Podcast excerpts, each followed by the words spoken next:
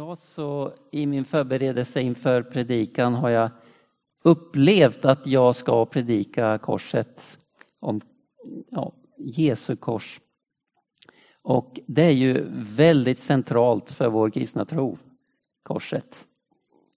Jag tror inte det finns många kyrkor, ja, jag vet att det finns en kyrka åtminstone, jag ska inte säga var. Men det finns en kyrka som inte har ett kors i kyrksalen. Eh, de flesta kyrkor har kors i kyrksalen. Eller på kyrktaket, eller i loggan, eller ute på, eh, liksom ut mot gatan. Så finns det kors. Väldigt centralt för oss och för vår tro. Och eh, ibland så är det så att det här som är så självklart, det är liksom eh, Ja, man, man tänker inte alltid på det riktigt. Vi har kors som hänger runt halsen på oss. Och en del har örhängen med kors och en del till och med tatuerar kors på kroppen. Och det finns många som har kors på sig även om de inte kanske kallar sig kristna direkt. Så går man med kors. Det är någon slags häftig symbol liksom. Men jag tror att det finns mycket, mycket mer att upptäcka kring korset. Och om Jesu kors. Det finns mycket mer djup i korset som, som jag tror att vi bara kan ana. Och jag skulle vilja att vi fokuserar på korset idag i den här predikan. Lite historiskt sett så bara korsfästelse är ett av de absolut grymmaste sätt att ta död på en människa. Fruktansvärt.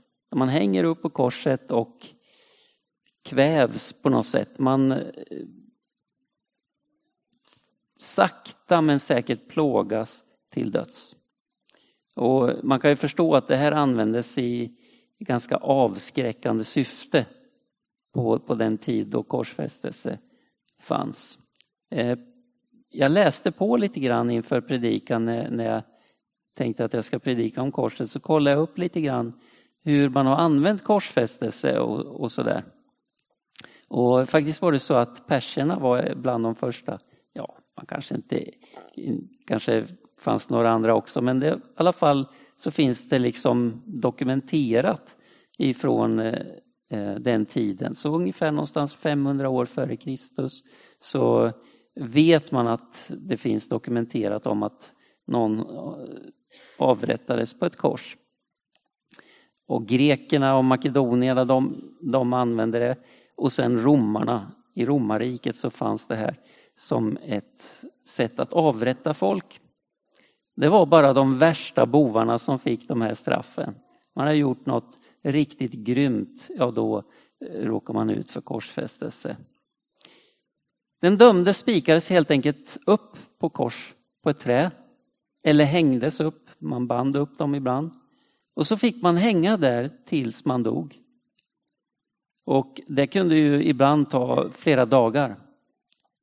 Kan du tänka dig att hänga på ett kors i flera dagar? För det mesta var det också en, en total förnedring för den som hängde där. Vi ser ofta Jesus upphängd på ett kors med ett litet höftskynke. Så. Men det mest troliga var att han hängde helt utblottad och naken upp på korset. Till allas förakt. Man kunde gå förbi och skratta och håna de som hängde på korset.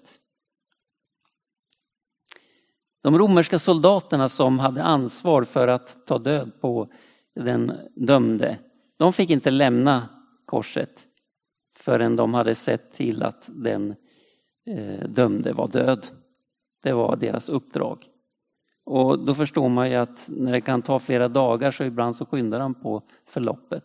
Man krossade benen på dem så att man inte längre kunde stötta sig och liksom kippa efter andan, lyfta med benen. Eller så tog man ett spjut och stack upp liksom i genom buken in i hjärtat och så dog personen. Och det ser vi också med Jesus, att när Jesus hade dött på korset så, så ville de försäkra sig om att Jesus verkligen var död. Och Det här tycker jag är intressant för att då vet vi med säkerhet att Jesus han var inte bara skendöd. Eller att han var inte bara avsvimmad när han hängde på korset. Utan han var verkligen på riktigt död. Han var fullständigt död, avrättad på det här korset. Genom historien sen så följde ju korsfästelse, man använde det även mot oss kristna på många olika sätt. I romarriket så, så var det flera kristna som fick sätta livet till på ett kors. Och det var ju just i en slags avskräckande syfte. Och faktiskt så har det pågått ända till ganska, ja, inte så jättelänge sedan men i alla fall så läste jag om att i Japan till och med så, ja, ända så långt som till Japan så eh, eh avrättade man kristna på, på kors. Jag tror någon gång på 1500-talet så var det en 26 missionärer eller kristna som avrättades på kors i Japan. Så man har använt det här för, för att verkligen skrämma oss och, och eh, få människor att sluta tro på Jesus. Petrus blev korsfäst. Man säger att han hängdes upp och ner på korset. Eh, och även Andreas tror man blev dödad på ett kors. Men den mest kända korsfästelsen är ändå den med Jesus. Det är Jesus som, när han korsfästes, det är den händelsen som har fått den allra största betydelse för oss människor. Vi läser om det i evangelierna, i Matteus, Markus, Lukas och Johannes. Och även Paulus och de andra skriver om det i sina brev. Men det finns också faktiskt en romersk historiker som heter Tacitus eller Tacitus, jag vet inte hur det uttalas. Han får väl själv stå för uttalet. Men han skrev också om att Jesus blev korsfäst, att han blev dödad under Pontius Pilatus tid. Det är intressant att det finns faktiskt berättelser utanför Bibeln som också styrker vår berättelse i Bibeln.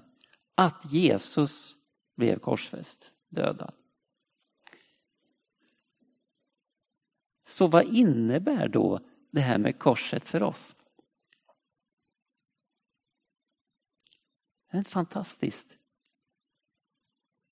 Tänk att det här korset som är en sån hemsk avrättnings, eh, ett sånt hemskt avrättningsredskap har blivit någonting så annorlunda för oss, trots allt. I första Korintierbrevet så läser vi kapitel 2 om Paulus när han vill lyfta fram det här med korset. Så skriver han när han kom till Korint. När jag kom till er bröder var det inte med stor vältalighet eller vishet som jag predikade Guds hemlighet för er. Jag hade nämligen bestämt mig för att inte veta av något annat hos er än Jesus Kristus och honom som korsfäst. Så när Paulus kommer till Korint och ska presentera Jesus för människor som ännu inte känner honom, vad är det han då vill lyfta fram? Jo, det är Jesus och att han blev korsfäst för dem. Intressant att när vi presenterar Jesus, vad är det vi brukar berätta om honom?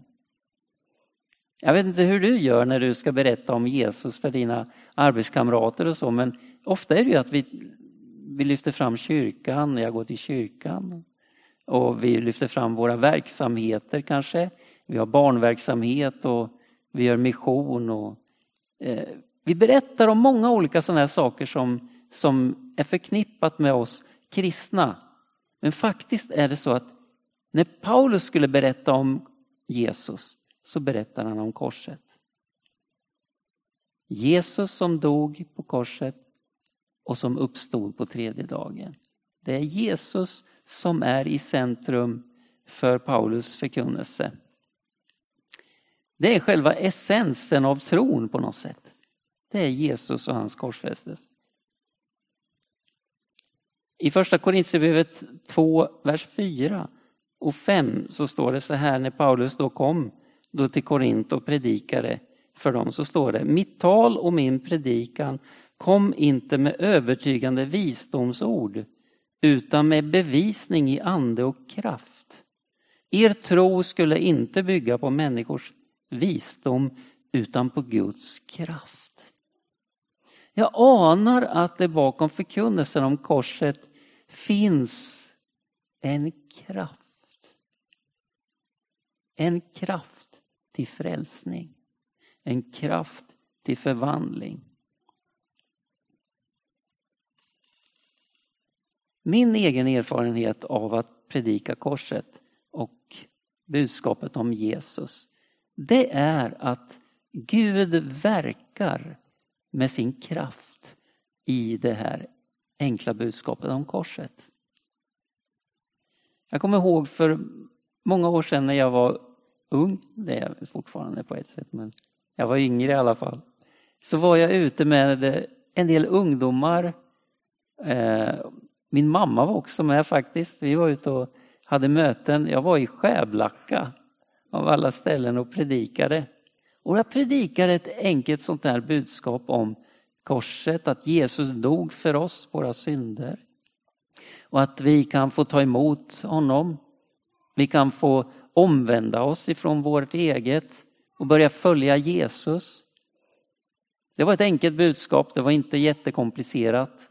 Och sen så bad vi för dem som önskade förbön. Vi bad för dem som var sjuka. Och var en, en kvinna som kom fram och ville ha förbön.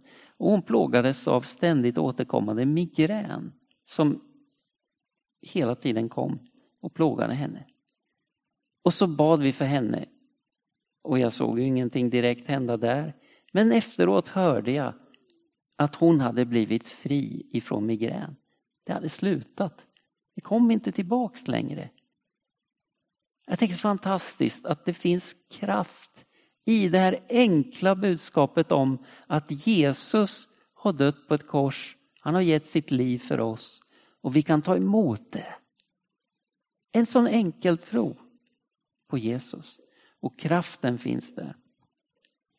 Det är också som att det finns någon, när Paulus sa här, det är en vishet men det är inte en vishet som är vältaligheten eller, eller fyndiga tankegångar som man förmedlar. Utan det är någonting som är en himmelsk vishet. Det är någonting som kommer från himmelen och som genom korset, tror jag, blir uppenbar för oss här. Det är som att en himmelsk, här, himmelsk hemlighet, osynlig verklighet blir verklig genom korset.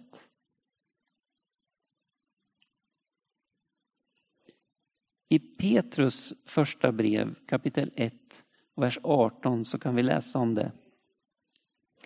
Ni vet ju att det inte var med förgängliga ting som silver eller guld ni blev friköpta från det meningslösa liv ni ärvt från era fäder.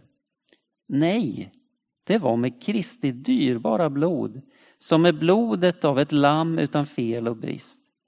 Han var utsedd redan före världens skapelse men har nu i dessa sista tider uppenbarats för er skull. Alltså, Gud hade en plan redan från början. Här står det före världens skapelse.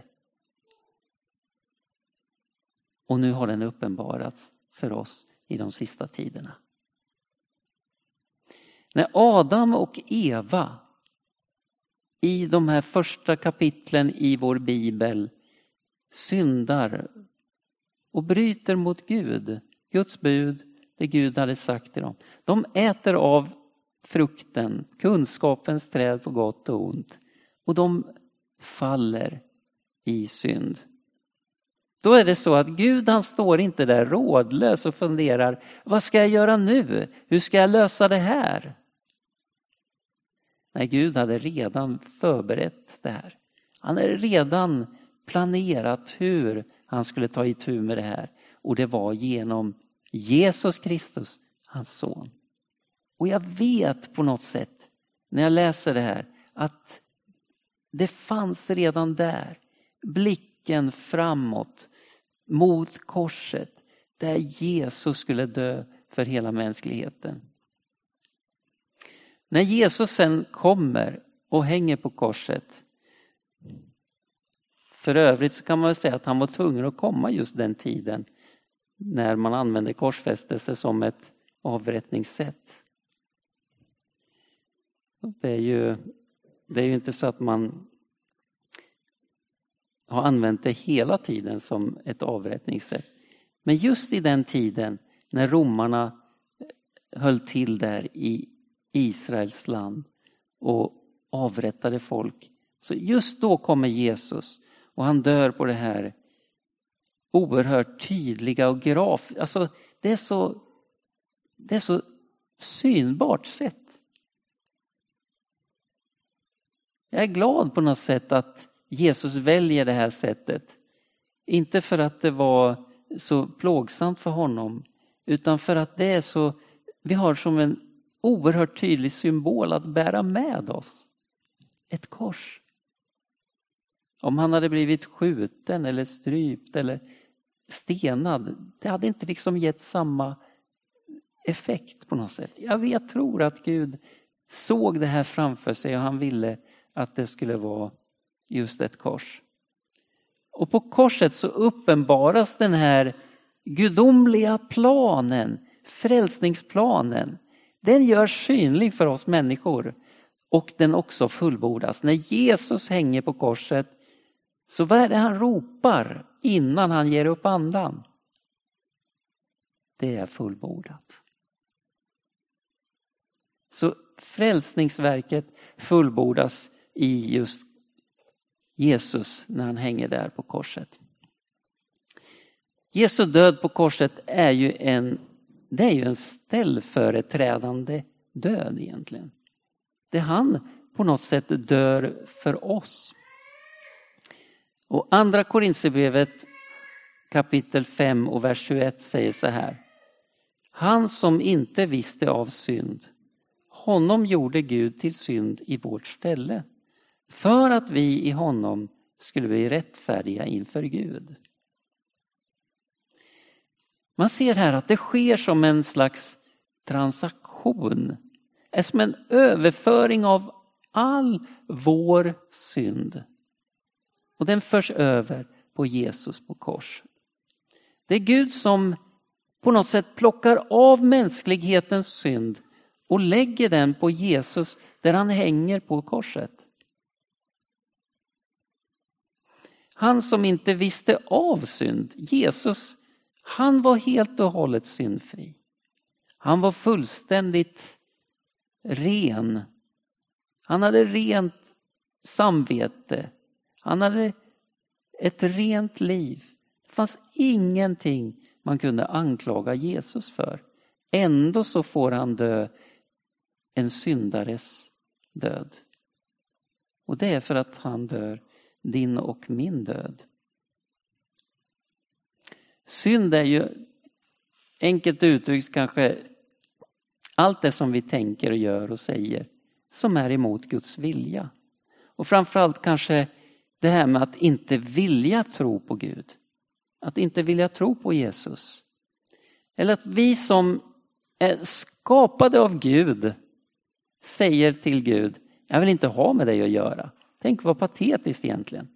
Vi är skapade av Gud och ändå så säger vi till vår egen skapare, vi vill inte ha med dig att göra, vi klarar oss själva.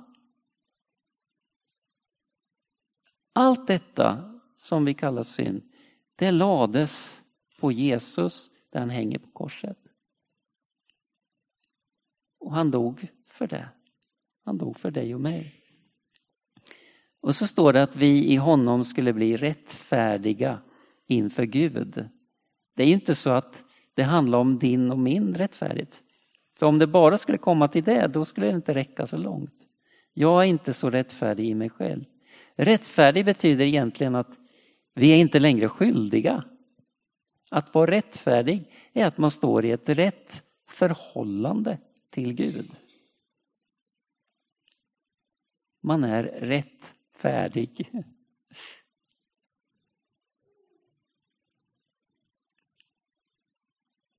Och det finns i Jesus Kristus.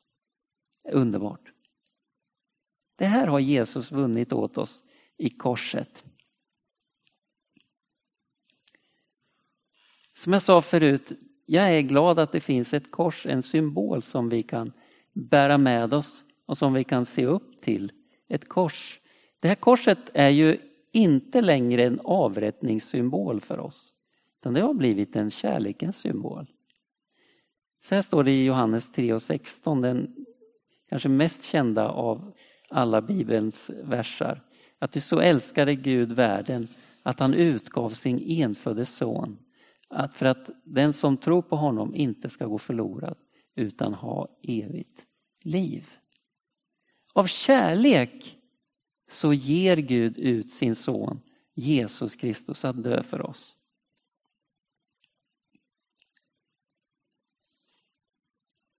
Tänk att korset som var en sån fruktansvärd grej har blivit en kärlekens symbol. Så att vi till och med kan gå med den runt halsen. Och vi vill verkligen stå för korset. Eller hur? Det är fantastiskt. Den här kärleken som eh, vi kan läsa om och se vad Gud har gjort för oss, vad Jesus har gjort för oss. Det utmanar mig det lockar mig till någonting mer. Jag känner på något sätt att jag vill älska Jesus. Det finns en, en gammal sång, jag vill älska det urgamla kors. I dess kraft ska jag segrande gå. Man ser fram, liksom lyfter upp blicken och så ser vi på korset. Allt det som korset står för. Det här himmelska hemligheten som har blivit uppenbar för oss här. I det där korset som inte bara är träd så, utan är en symbol för den andliga verklighet som har blivit verklig för oss här.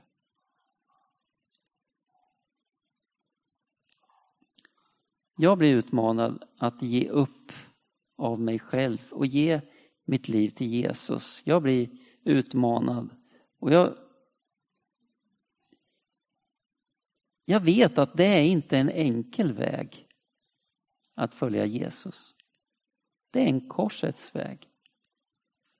Det handlar på något sätt om att få lämna, lämna sig själv, något av sig själv och följa Jesus. I Markus 8 och 34 säger Jesus just att om någon vill följa mig ska han förneka sig själv och ta sitt kors och följa mig. Jag tror inte att det för så många av oss handlar om att fysiskt bära ett kors och bli martyrer på det sätt som Jesus eller Petrus eller de andra lärjungarna fick eh, göra. Eller andra kristna. Det är inte alltid det handlar om det där fysiska att bära ett kors på det sättet. Men det kan också innebära så mycket mer. Att ge upp sitt eget liv för Jesus skull. Att följa honom. Han som har älskat oss först och gett av sitt liv till oss. I Hebreerbrevet 12 och 2 står det så här. Och låt oss ha blicken fäst på Jesus, trons upphovsman och fullkomnare. För att nå den glädje som låg framför honom uthärdade han korset utan att bry sig om skammen och sitter nu på högra sidan om Guds tron. Jesus sitter på högra sidan om Guds tron.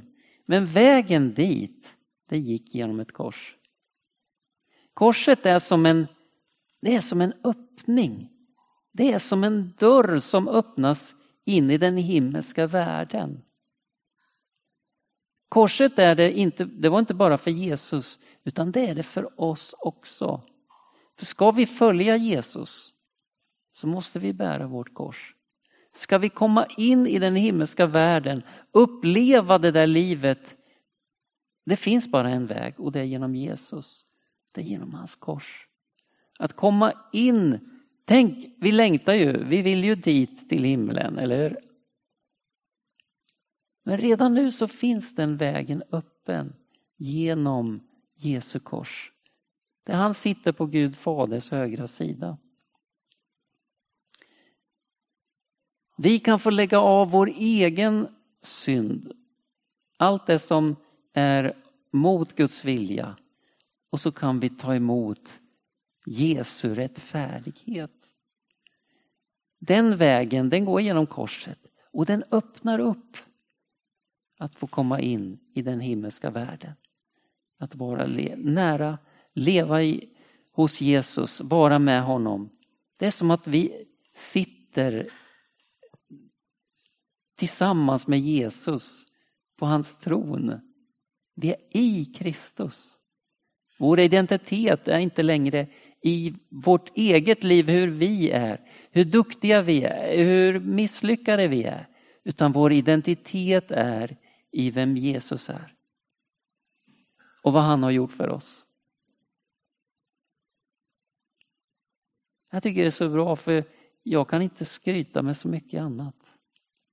Och jag tror inte att många av oss heller kan skryta med så mycket annat. Men vi kan sätta vårt, vårt hopp till Jesus. Där han öppnar den här himmelska porten in i det allra heligaste.